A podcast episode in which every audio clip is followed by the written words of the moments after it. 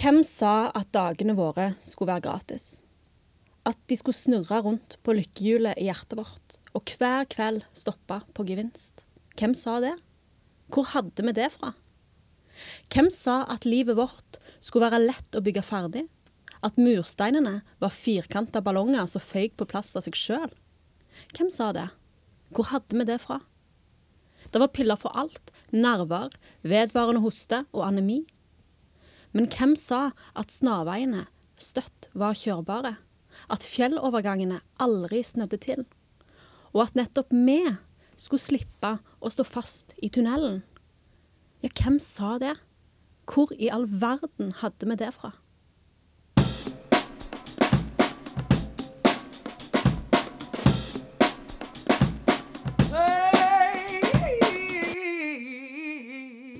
Hei, hei! Velkommen til ny episode i Pedpodden. I dag så har vi med oss Karin igjen. Hei, hei! Oh, joy. Og Daniel, som dere hører. Og Gunvald. Hei, hei. Og meg, Trine. Det er altfor mange her inne. Kan jeg få lov å gå ut? Nei, det er litt trangt eh, i studio i dag. Vi har for få mikrofoner her. Det er Ja. tre mikrofoner og fire folk. Og Daniel vil ikke Ja. dele med meg. Nei, dere får ikke lov å dele mikrofon, eh, fordi dere krangler bare så mye, så det går ikke. Vi krangler med kjærlighet, ikke sant, Daniel? Nei. Vi Krangler med rent hat. Men eh, jeg tenkte at vi kunne starte med å beskrive folka som er her inne. Hva de har på seg i dag. Daniel har valgt å ta på seg ei skjorte Ja, og bukse. jeg har pynta meg. jeg velger å tro du har pynta deg for meg. Uh, jeg har ikke pynta meg for deg. Hvorfor har du pynta deg? Jeg skal synge senere i dag, så derfor har jeg pynta meg. Ja. Ja. Og Gunvald har på seg en sennepsgul genser. Sånn der, hva det heter turtleneck-genser. Ja. Og Karin har en blomstrete kjole. Og jeg ser ut som eh, Find Waldo. For jeg har stripete genser på meg. Som vanlig. Ja. Eller ikke som vanlig. Men eh, Gunvald, Ja. jeg har hørt rykter om at eh, eh, du har litt sånn ambivalent forhold til navnet ditt. Ja, jeg syns egentlig navnet mitt er ganske OK. altså. Jeg er nokså stolt av at ja, mitt navn står f.eks. i en saga. Sånn at det er et veldig tradisjonsrikt navn. Eh, men det å hete Gunvald, det har Eller Gunvald, som det uttales. Det har bydd på en del utfordringer opp gjennom livet. Eh, folk spør hva jeg heter for noe når jeg har introdusert meg sjøl. Og eh, jeg fikk et bevis på at navnet mitt er ganske vanskelig eh, da jeg sendte inn spørsmål til en annen podkast her forleden, og fikk dette til svar. Du, Vi tar et eh, lytterspørsmål fra Gunvald Dversnes. Det er en ekte person. Ja, Høres egentlig ut som en karakter Høres ikke ut som han har skrevet under på noen kontrakt om han ikke skal ha tullenavn. høres ut som en karakter i din podkast, Dustene. Ja, det kan du Men vi har fått et spørsmål fra Gunvald, Gunvald Dversnes. Eh, Hei, Gunvald. Ja, og sånn, sånn går det når du sender inn spørsmål. Du er Gunvald Versnes til en podkast som heter Heia fotball. Heia fotball er en veldig bra podkast. Men ja, mitt navn er vel kanskje litt i vanskeligste laget for en sånn type podkast. ja, det er sikkert veldig enkle mennesker som sitter og har den podkasten, vil jeg tro. Så da vil nok eh, Gunvald være litt vanskelig å er Påstår du at det er bare enkle mennesker som eh, liker fotball? eh, Jeg hiver ut en brann- brannfakkel og sier ja, jeg. En brannfakkel. Nei, men, men det med navn, altså. Det med navn, det er faktisk eh, litt komplisert. Jeg støtter Gunvald i dette her, altså. For jeg har to etternavn, så jeg må stave. Så hver gang jeg må bruke begge etternavnene mine, så står jeg som en idiot og sier hver bokstav sånn at det skal bli riktig. Og jeg har hatt så mange rare versjoner av navnene mine. Så Men kan du, bestille, kan du bestille kaffe på Starbucks, og så kommer det riktig navn?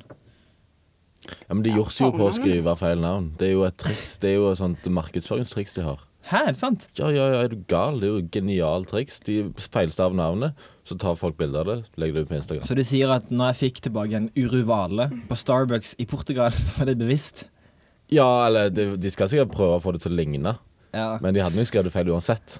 There's one coffee for Oro Whale.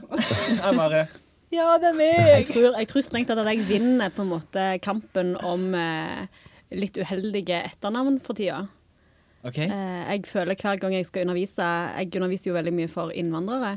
Og jeg føler hver gang jeg må åpne med å si hei, mitt navn er Karin Hodne, og det er ingen frisører i min familie. Ja. Stemmer. Den er bra. Ja, du vil ikke være i befatning med nazifrisøren for Bryne. Nei. Nei, oi, nå ender Pedpoden på ei rettssak, vet du. Ja, bring it! Bring it! Oi. Frøken Hodne. Hei. Jeg skal møte opp Ja, ikke du, Fru Hodne. Jeg. Whatever. Hæ? Er hun gift? Jeg tror hun er gift. Uff a eh, meg. Det hadde jeg aldri trodd. Hæ? Hun er gift med dama, og så hun så ignorant. Ai, ai, ai. Jeg trodde Men- homofile mennesker var litt mer open-minded, iallfall. Men ikke hun. Nei, ikke hun. Drittkjerring. Men det var altså mitt forhold til mitt eget navn. Jeg, ja, OK stolt av det, men det er litt vanskelig på Starbucks. Men uansett, det jeg syns er interessant, da, er jo at du driver og sender inn spørsmål til podcaster. Altså, det er jo flere som har gjort det her. Men eh, altså at du gjør det, og at du sender meldinger på sånn eh, Twitter til NRK. Altså, du er en sånn spørsmålsperson. Ja, jeg syns det er koselig å sende inn litt spørsmål, så blir alle programmene litt mer eh, sånn Tenk hvor, personlige. kjekt, tenk hvor kjekt de som driver de podkastene, syns. Det er at Gunvald på en måte driver og engasjerer seg i det de holder på med. Det er jo fantastisk. Mhm. Oppfordrer til mer engasjement. Takk, Karin. Vær så god. Du vil ikke bare ta over eh, stolen til Trine her? Det er, Sånn, sånn permanent? Oi. Nå ble det veldig sånn maktkamp i studio her. jeg har. Oi, oi, oi. Nå er det jeg velger å ikke kommentere det. Jeg går hjem og legger meg. Men hvis det, blir, hvis det blir fight, så er det jo Trine som vinner. Hæ? What? Nå fatter jeg ingenting. Hvis dere begynner å fighte her og nå om programlederposten, så er det jo Trine som Påstår du at Trine er sterkere enn meg? Ja, det vil jeg påstå. Takk, Daniel. Det var koselig. La oss komme oss videre. Ja, vi må komme oss videre. Kan jeg komme med et faglig innspill Ja, som vi ikke har snakket om? Eh, fordi vi begynte jo dette med at jeg leste litt dikt. Og vi fire har jo studert sammen, og vi har jo tatt eh, litteraturhistorie sammen. Og det er ingen overraskelse for noen av dere hvor mye jeg har hata dikt opp gjennom. Jeg har sittet med tårer i øynene og sinne i hjertet hver gang vi måtte ha lyrikkanalyse.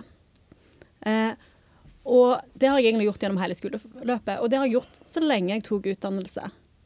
Og så, i sommer, så oppdaget jeg ren poesi på Instagram. Shout-out til henne. Dritkult. Og så gikk det opp for meg at fader, hvorfor er det ingen som har på en måte eksponert meg for lyrikk uten at det skal analyseres, bare for opplevelsen sin del. Så nå når jeg underviser, så er jeg enormt opptatt av le, altså at de skal få lov å oppleve dikt uten at det hele veien skal være en pedagogisk baktanke. At de bare skal få lov å treffe sånn at de forstår at den sjangeren faktisk har noe for seg. Det savner jeg i skolen i dag. Opplevelsesaspektet av litteratur, av eh, norskfaget. Norsk. Ja, og dette har blitt kritisert av Knut Hoem i P2, blant annet, som sa det at det finnes altfor mange strategier i norsk skole. Han sa f.eks. at um, min strategi når jeg leser ei bok, det er å starte på side én, og så leser jeg den boka. Fordi han mener at du skal oppleve denne boka som en, en, um, en sånn helhet, og så må vi slutte å overføre alle de her strategiene på ei bok. Sånn at opplevelsesaspektet har nok gått tapt til en viss grad i norsk skole. Og det har vært kritikk av dette. Og hvordan skal vi da få elevene til å engasjere seg i et fag hvis de ikke forstår hvor ufattelig eh, altså inderlig det kan være? Men problemet i norsk skole da, det er det at um, det er veldig vanskelig å sette elever til å lese dikt. Fordi at barn leser generelt sett mye mindre enn før. Så du har to store problemer i norsk skole. A. Tidsaspektet. Altså vi har altfor lite tid til å undervise i ting og tang. Og da har vi heller ikke tid til å lese hele bøker, hele verk. Det blir utdrag. Ja. Um, og det andre utfordringa er at barn leser altfor lite. Mm. Og dermed så blir det vanskelig å bare, ja, bare skulle lese ei bok og tenke at nå opplevde vi denne boka som noe veldig fint. For de vet ikke hva det vil si å oppleve ei bok, for de vet kun hvordan de opplever film. Jeg satte eh, mine voksne elever til å eh, sjekke opp eh, Trygve Skaug og ren poesi på Instagram. Og det som endte opp med da, det, vi liksom, det var helt på slutten av en time, vi hadde et kvarter igjen, det at de sitter og blar ned igjen. Og dette er jo elever som ikke har norsk som morsmål. De har vært her ifra ja, mellom halvannet sek til seks år. Um, og de fikk enormt mye ut av det. De satt og leste høyt.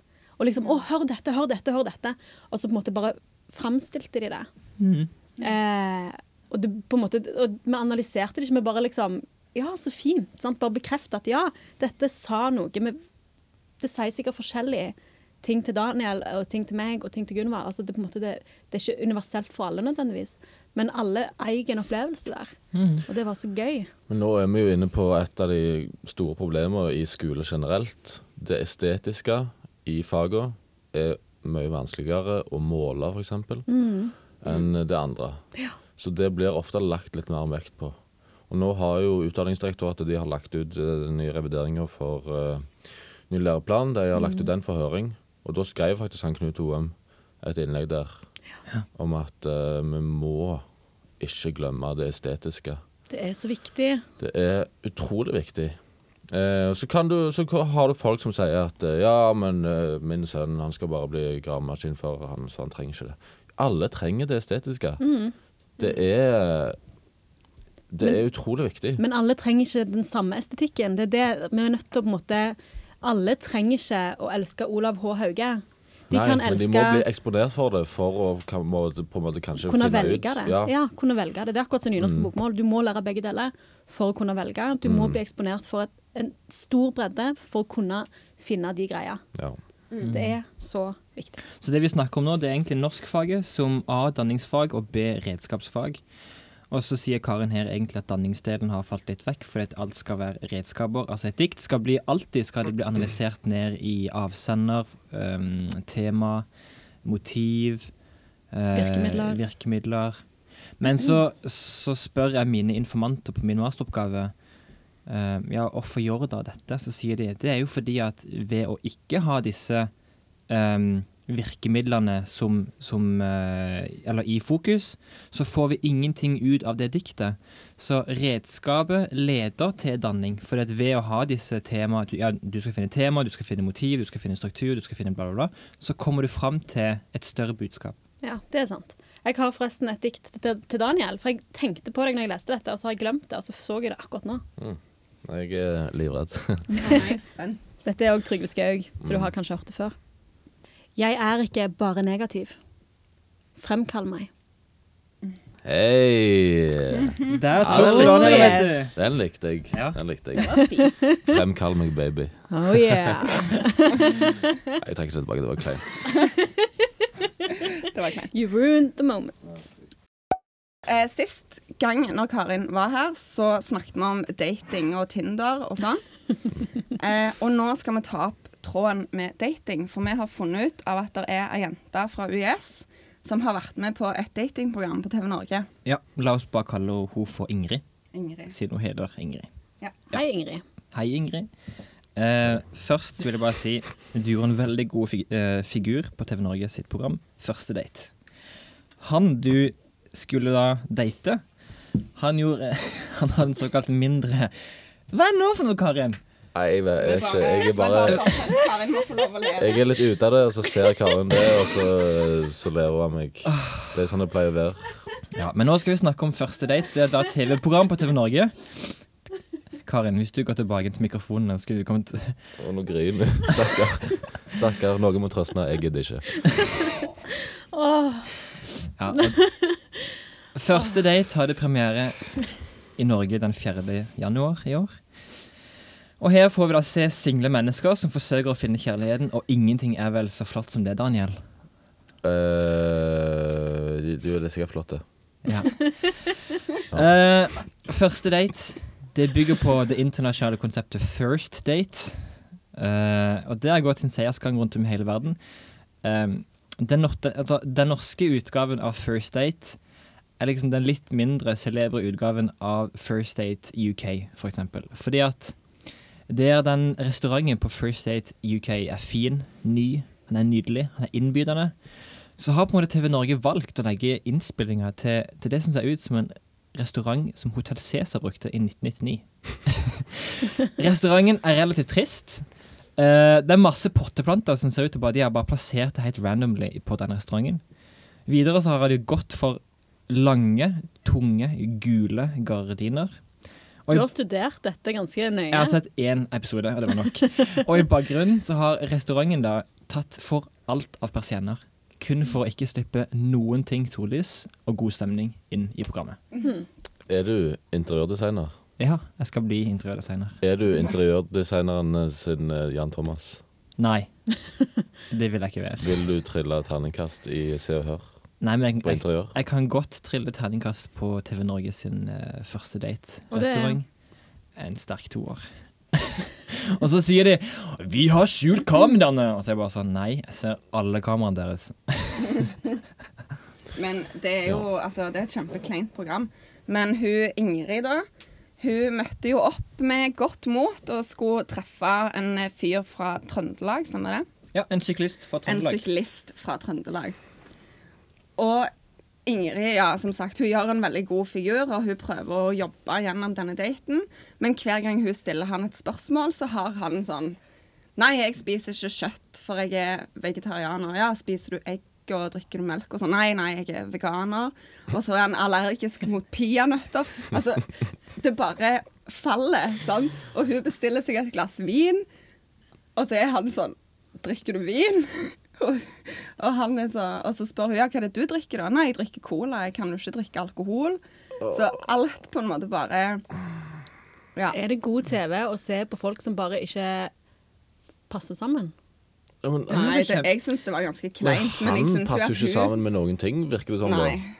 Jeg syns, det var stress altså, å se det, men, og kleint. Men Jeg syns noen bør snu Ja. fokuset hans til å ikke liksom legge fram alt han ikke gjør, og heller fortelle hva han faktisk gjør. Ja. Nettopp. nettopp. Eh, og det hjalp kanskje ikke på at han hadde lest boka, eh, denne datingboka. Nei, nei, nei, Game. nei, Å, nei, nei, nei, nei. nei, å, Det var sånn han nei. Nei, introduserte seg selv. Nei. varsellampa bare eksploderte. Å, Og det er det verste. Ja. I egen min så er det jo da The Game, da. Så er på en måte Oh det shit. my god. Åh, og så feiler han så grundig og totalt. Altså, han var jo han var så, han var så klar da Når de skal oppsummere programmet. Og, og så, Ja, Dreiv han med negging og sånn òg, da? Han liksom ja, han var veldig sånn ovenfra og ned-type. Æsj, for en ekkel, Ja. ekkel, ekkel mann. Og han, han trodde jo at daten hadde gått bra, sånn.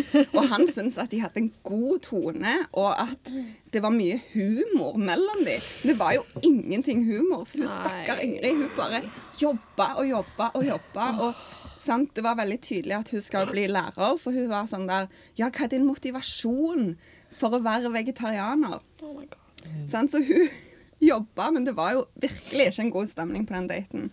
Nei. Men shout-out til Ingrid. Du gjorde en god figur. Og Ingrid, hvis du hører på eh, meg og deg kan gå på date, og så kommer du til å ha en sjekkedate. Vi har fått nyss om at Ingrid har fått seg kjæreste i etterkant. Da. Snørr. Ja vel, greit det. Men vi kan melde deg på dette programmet, Daniel. På ingen som helst måte. Jeg skal ikke på TV. Driver du med negging, Jeg Daniel? har sagt det før, og jeg sier det igjen, jeg har et radiofjes.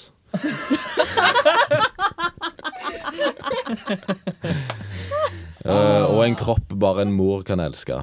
Nei. Da, det var jo veldig negativt, da. Men uh, Du er ikke så negativ mot andre, men du er grella negativ mot deg sjøl. Nei, du er ja, faktisk negativ mot andre òg. Men Ja, òg. apropos negativitet, Karin. Ja. Ja. Jeg har fått nyss om at du vil snakke om etikette i sosiale medier. ja. Ja. Jeg um, er i et sånt dilemma. Jeg, jeg har noen på sosiale medier som deler altfor mye. Ja, er, det, er de gamle? Ikke nødvendigvis. Okay. Det er fra aldersgruppa 20 til 40, 50, så har jeg på en måte folk som oversharer grovt. Og jeg syns jo, jo i utgangspunktet at det er gjese å lese om på en måte hvordan du har sovet, eller du, hvor mye slim du har i forkjølelsen din nå, hvilken farge det er og sånn. Det syns jeg er gjese. Men men det, det, det er ikke det verste. Jeg syns det verste er når disse menneskene får barn. Og så begynner de å fortelle meg hvor mange ganger barna har vekt i løpet av natta, at ungen fikk diaré i barnehagen, eller at, eh, hvor mange ganger de har spydd i løpet av dagen, osv., osv. Eller at de slo seg helt vrang på butikken. Alt det, det Barna har ikke valgt å eksponere seg sjøl. Og så kan dere jo si ja, men Karin, hvorfor sletter du det ikke bare da fra Facebook hvis du ikke vil se det? Men jeg syns jo det er litt underholdende å ha noe å hate på òg. Jo, men det er sant. Og så, hvis du sletter de, sant, så kommer du, da kan du komme i den situasjonen at de konfronterer deg med at du har sletta de. Ja, det er gjerne de personlighetene som faktisk følger med på sånne ting. Ja, faktisk. Så det er jo problematisk. Men uff, nei. Altså, folk må bare eh, tenke seg om flere ganger før de legger ting ut. Altså. Det er noen ting andre mennesker ikke vil vite om. Snakk med dem du bor med om disse tingene, eh, og ikke resten av verden. Nei, og så er det noe med En ting er, altså, en ting er hva du forteller om deg sjøl. Greit nok, det er irriterende, det er veldig lite flatterende å tenke at en arbeidsgiver skal lese dette. Men barna dine har ikke valgt å eksponere seg sjøl. Det er ikke greit. La de være i fred. Pluss at du har jo valgt sjøl å få med en haug med unger. Altså, du må jo regne med at det ikke bare er fryd og gammen. Ja, du må skifte noen sinnssyke diarébleier og sånne ting. Du Ja. trenger ikke fortelle alle om det. Nei, og så er det jo, vi vil ikke at vi skal Vi, vi er ikke for en sånn å, perfekt eh, framstilling av livet. Det er ikke det vi snakker om nå. Jeg vil ha ingen framstilling av livet. Ja, det er litt mer Det kan vi ikke være litt mer nøkterne generelt hva vi legger ut. Men hva, ja, hva blir motivasjonen for å legge ut sånne ting? For det, som du sier, det er litt ekkelt å høre på, men hva er på en måte motivasjonen? Er det bare de ønsker støtte, de ønsker å på en måte få litt trøst? Det er nok en bekreftelse. Sant? En, en opplevelse av å bli sett og bli hørt. Og Kanskje de er ensomme, jeg vet ikke. Mm. For jeg tenker at det må jo være lov til å legge ut sånne ting, men, men det, den som leser det, vil jo ta det opp kanskje på en måte som du som avsender kanskje ikke hadde tenkt. Ja, og så er det jo det er vel heller tanken altså det at man glemmer hvor mange som egentlig leser det. Sant? Eh, at du det, det ser jeg av til når jeg legger ut ting på min Instagram. Hvis jeg legger ut ting fra jobb og sånn, så kan folk jeg ikke har truffet, som jeg plutselig treffer på butikken når jeg er hjemme hos mor deg, eh, si 'Å, jeg så den tingen du la ut på Instagram'. Oh, ja. Og så blir jeg sånn Oi, shit, du har kontroll på min Instagram. Ja. Sant? Du kommer ikke på det. Fordi at vi er jo vi er så vant med at vi legger ting ut, og så tenker vi ikke på hvor mange vi faktisk har. Og har du over 300 venner på Facebook, eller på 300 følgere på Instagram, så er det jo mange mer enn din indre kjerne som får med seg dette her. Og så har det litt å gjøre med å følge sosiale koder òg. For på Facebook så er det sosiale koder. Det er liksom OK, vi har ikke sånn statusoppdateringer hver dag. Det, var, det hører 2008 til, liksom. Eh, det var sånn vi brukte det før. Nå bruker hun ikke sånn lenger. Hva bruker blir dere jo- Facebook til, egentlig? Det er bare sånne der, um, arrangement, arrangementer og sånne ting, egentlig. Og Messenger-appen bruker jeg jo å snakke med folk. Men det er jo that's it. Og det er jo sånn de fleste har det. Utenom litt sånne spesielle mennesker og gamlinger. Men det blir jo litt som at jeg skulle møtt noen, og istedenfor å si navnet mitt og ta det i hånda, så skulle jeg danse navnet mitt. Det bryter jo helt med sånne sosiale koder. Ja. Og jeg er egentlig for å bryte sosiale koder av og til, men det må jo gjøres på rett måte, da. sant? Og bryte, bryte de rette kodene òg, i tilfelle. Ja. Og så er det jo Men jeg, jeg syns det skal gå et skille mellom å eks bare eksponere seg sjøl, det er pinlig nok, men i det sekundet du eksponerer andre Det er jo òg en sånn klassiker i et breakup, sant. Ja. Det å legge ut ting i etterkant. Slett de på Facebook med en gang. Alle sosiale medier. Ja, og så bare, bare liksom keep a low profile. Altså Det er lov å si du har det vanskelig, men ikke overeksponer eksen din, liksom. Mm. ja. Det, det er mye sånne ting som du ser som er bare, det er bare vondt. Det er bare pinlig. Jeg har eh, Jeg tror faktisk jeg har eksen min og foreldrene hennes på Facebook ennå. Ja, jeg har òg eh, Det liksom samtlige, eller Jeg har òg Hørtes det ut som dere sammen med kjempemange. Jeg har hele Bryne på Facebook. Oi! Wow! Nei da. Wow. Nei da. Jeg trekker det tilbake igjen. Det kan du ikke, for du har sagt det på en podkast. I denne podkasten bruker vi alt. Nei. Det var ikke sant. Det er ikke sant. Neida, men det samme gjelder jo når du sender ting til folk. Sant? Du sender en messengermelding eller en snap eller ja. Vær så snill, folkens, og tenk litt over hvem mottakeren av dette er. Det er ikke alle meldingene du ville sendt til bestekompisen din, som du kan sende til svigerfaren. Sånn er det bare. Amen. Amen. Det kalles, kalles tilpassing av språk og Der til kan det være at jeg er litt dårlig. Av og til. Jeg har fått tilbakemeldinger på det. Men det er jeg har fått tilbakemeldinger av type jenter som tenker for mye på ting. Ja, jo Ja, da. for det er jo òg en ting, ikke Ja, sant? det er jo det. For jeg legger jo ikke veldig mye i noen ting som helst jeg gjør. Der er på en måte ingen baktanker eller noen ting. Jeg er så enkel, jeg. Tar et bilde, skriver noe, sender det. Ingenting bak. Men andre tenk, kan jo tenke Hva mente han med det? Oh, eh, å», Prøve å lese litt mellom linjene. Hvis du prøver det på meg, oh man, hjelpe meg, det må du aldri gjøre. Der er jo jeg så enormt glad for at vi har fått emojier. Fordi hvis du legger, slenger på en emoji der, så kan du på en måte lese veldig tydelig om det er Er han tullende nå, er han seriøs nå? Altså sånn. Jeg har en bror som aldri har brukt emojier. Jeg vet dette er masteroppgaven til Trine. Ja, for dette med emoji Jeg er- er så forvirra. For jeg har brukt den blinke-emojien i mange år. tenkte liksom ja, Den, ja. ja, den derre Ja. Ja, Og så er ikke det greit lenger. Nei, det, Er det greit? plutselig flørting. Hør, hør nå her. Det, for det det du den. sier nå, Karin, det er egentlig feil. ja. Og det vil funnet i masteroppgaven min vise. Fordi at vi legger ikke det samme i emojiene. For eksempel den der wink-emojien. Jeg har en venninne som hater den. Hei, Kine.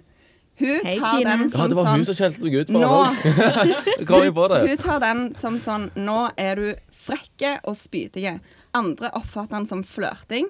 Andre igjen oppfatter den som humor. Så dette er kjempekomplisert, folkens. Flørter du, sleng på et hjerte. Eller noe annet. Kyssemoen. Nei, jeg, kyss, jeg sender Eller hele veien. Eh, Smirken er fine. er du glad, så send et smilefjes. Og tuller du, så bare send lol-smileyen. Ikke bruk den der tunge smileyen, og ikke bruk wink. Hva er lol-smileyen? Er det han som Den som griner? griner og ler. Ja. Jeg skal ikke bruke den. Jo, den skal Jo, du den bruke. kan du Ja, den bruke. Den bruker jeg hele veien. Jeg kan gjøre det. Bra. Men nå har vi snakket nok om sosiale medier, altså. Men vi skal allikevel fortsette litt med sosiale medier. For jeg har funnet, Bra overgang. jeg har funnet en Instagram-konto som eh, parodierer mamma til Michelle, og dette er så gøy. Ja, det er jo han. Snurreklipp. Elsker han. Hei sann, bloggen. Det er mammaen til Michelle her. Og som dere sikkert har fått med dere, så har det vært veldig mye stress i det siste, og jeg har skrevet en del store overskrifter. Altså, jeg skrev jo på bloggen at eh, jeg tenker på noen andre enn Jan, og det betyr ikke at jeg ikke elsker Jan, for Jan er fantastisk, og jeg elsker han til døden, om det så må være. Men det er klart at når du har en blogg som skal opp og stå, så trenger man unger, sant? Så jeg har truffet en kar med to hoder. Det ser veldig rart ut, for hodet kommer sånn ut herfra. Og når han har to hoder, kan du kanskje tenke deg at han har to av andre ting også. og du vet jo hva det betyr igjen? Det betyr dobbelt så mange unger.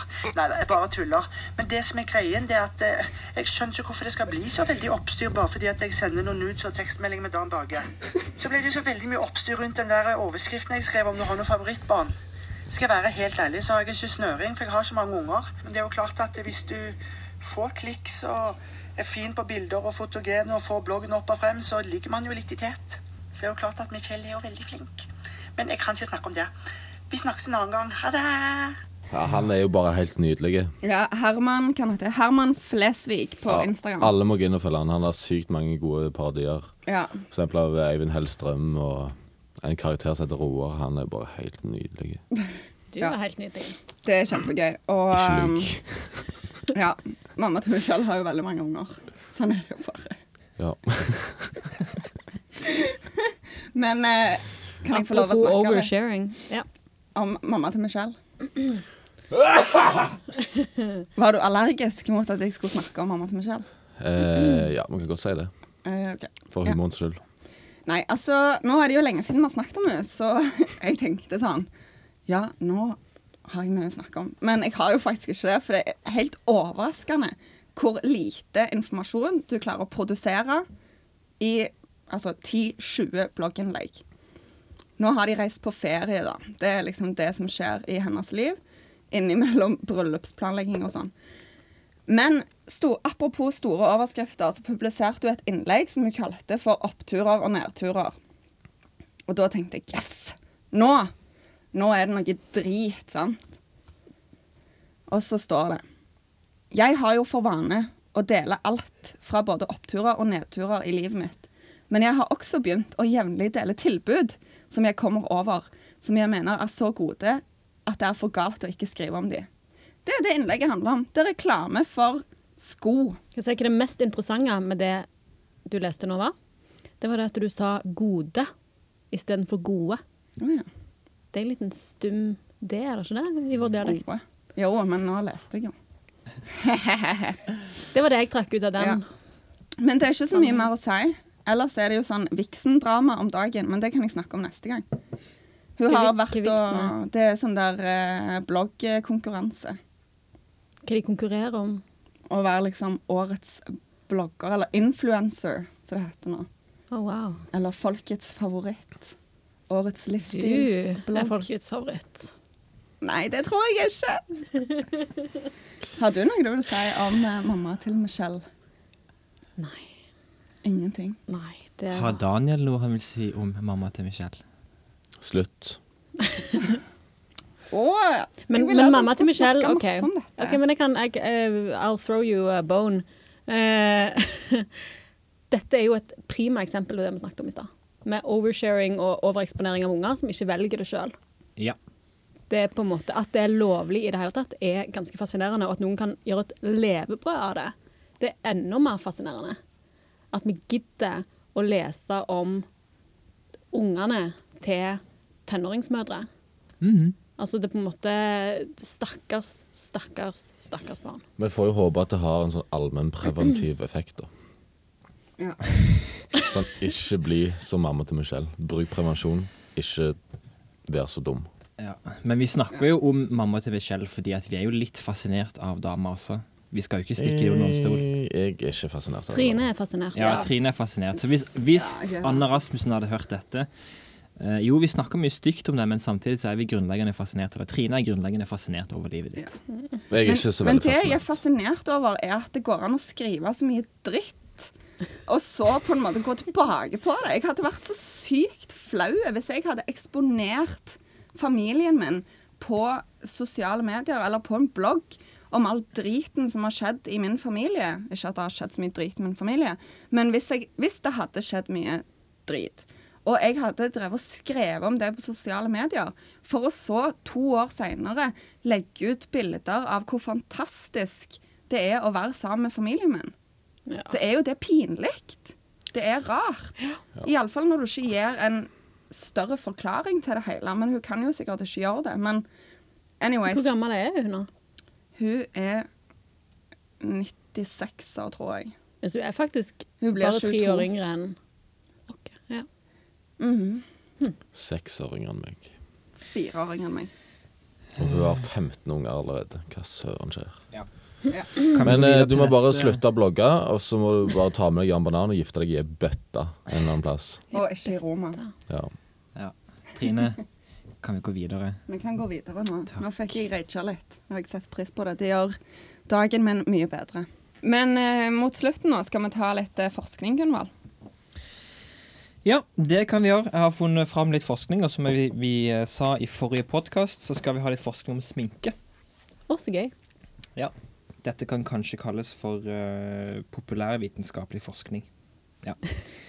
uh, for det har overraskende nok blitt forska veldig mye på sminke. Uh, og i dag så skal vi se på to uh, forskningsarbeid som er gjort på sminke. Den ene artikkelen heter 'Lipstick and Tipping Behavior'. Lipstick and Tipping Behavior. Um, Utgangspunktet for den forskninga var det var å finne ut om menn vurderer kvinner forskjellig med tanke på, på, på sminke. Altså vurderer en mann eh, kvinne A med sminke høyere som mer attraktiv enn kvinne B som ikke har sminke på seg. Det var utgangspunktet. Og da så de helt eksplisitt på damer som hadde leppestift. Eh, og da hadde de da en restaurant som stedet for forskninga.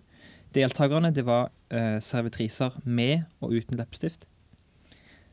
Um, resultatet det var at de servitrisene som gikk med leppestift, og da særlig de som gikk med rød leppestift, de ble assosiert av menn som mer feminine og mer attraktive. Og det resulterte igjen i at de fikk mer tips. Så til alle som jobber på, på restaurant, og da kanskje til, til damer, ta på deg litt rød leppestift, så får du eh, tjent mer penger. Ja. Og den andre forskninga som vi skal se, um, den ble utført av en som heter um, Kapferer i 2012. Forrige forskning var også utført i 2012. Og han så på salget av sminkeprodukter opp mot økonomiske konjunkturer. Altså når tid selges det mye sminke, og så så han på går det bra med dette landet når det selges mye, mye sminke, eller har de utfordringer knyttet til økonomi. Eh, og da fant de en såkalt the lipstick-effekt, altså leppestift-effekten. Eh, for svaret på om det ble solgt mer sminke når det gikk bra med et lands økonomi, det var nei. Mm. Jo dårligere økonomisk det går med et land, jo mer sminke selges det. Ja. Ja. Eh, og for eksempel så fant de at under The Great Depression i USA, så ble det Eller så kom det en økning i salget av sminkeprodukter. Og det var spesielt de dyreste sminkeproduktene som ble solgt først. Så blir spørsmålet hvorfor går folk hen og kjøper kanon, øh, kanondyr sminke hvis de har det egentlig ganske tøft på hjemmefronten knyttet til økonomi? Men kan det ha noe Altså Rett før uh, The Great Depression så er det jo The Roaring Twenties. Så kan det på en måte være en sånn ettereffekt at den moten har på en måte ikke gitt seg. Så Ja. det på en måte vil holdes ved like, kanskje. Ja, så du tenker at fordi det gikk bra i USA eh, på 1920-tallet, så kom eh, Rett før børskrakket. Ja, så kom eh, krakket i eh, 29, og så hadde folk fortsatt penger, eller at de ønska å fortsatt fortsatt vise. ja, men- ja, men at de har tillagt seg de vanene, og at det på en måte er eh, at, det, det, at det går en sånn delay på når det avvennes, kanskje. Ja, Eller er det at du på en måte fake it till you make it? At du tenker at du skal iallfall keep up appearances? Det går nok litt på å opprettholde den fasaden, ja, tror jeg. For det gikk jo drit for veldig mange, og det er jo ikke så kjekt å vise kanskje til folk at det ikke går bra. ja. Han Kapferer han viser til tre forklaringer. A. Folk kjøper seg dyre produkter for å kjenne et snev av rikdom. Ja. Fortsatt. Det var den ene forklaringa. To. Folk ønska en flukt ifra virkeligheten. Og tre. Det å kjøpe sminke det var for mange sett på som såkalt selvhjelp. Så du hadde det tøft hjemme, men så kunne du føle deg bedre ved å style deg opp. Det er jo som å ta på seg en maske. Jeg merker det når jeg er på jobb, eh, ikke på lærerjobben, vel å merke. Eh, så kan du jo, for det, det tar ganske på å liksom gå på scenen og føle at du eier hele verden. Du gjør jo ikke det hver dag, sant? Du føler jo ikke det hver dag. Men når jeg er på scenen, så skal jeg jo utstråle det. Og da er det helt, det er helt løye. Jeg kommer på Jeg har en god anekdote. Jeg satt med en kollega, eh, en tryllekunstner. Så han tok på seg dressen, vi sitter backstage, det er to timer til vi skal på. Eh, og han har liksom pynta seg i dressen og sånn, og jeg kommer alltid usminka på jobb og sminker meg der, fordi at da er sminken fresh og sånn. Og så ser jeg på han og så sier jeg, 'Hei, så fin du var i dag'. Så ser han på meg sånn 'Takk'. og så ble jeg litt sånn ja, 'Hallo, liksom. Hallo, sitter her. Come on'. Og han bare 'Ja, men du blir jo fin snart'. No. Så det på en måte Sminke hjelper helt ekstremt Ja. på det å på en måte bare put your face on, hvis du skal Den her eh, the lipstick-effekt, der, Mm. der sminke blir solgt i store mengder når det går dårlig økonomisk, den har um, likhetstrekk med denne placeboeffekten. placebo-effekten. Altså smerte forsvinner når man tror at man tar medisin mot det. Mm. Folk føler seg bedre ved å bare ta på seg sånn en maske, som Mm. Karin nå beskriver.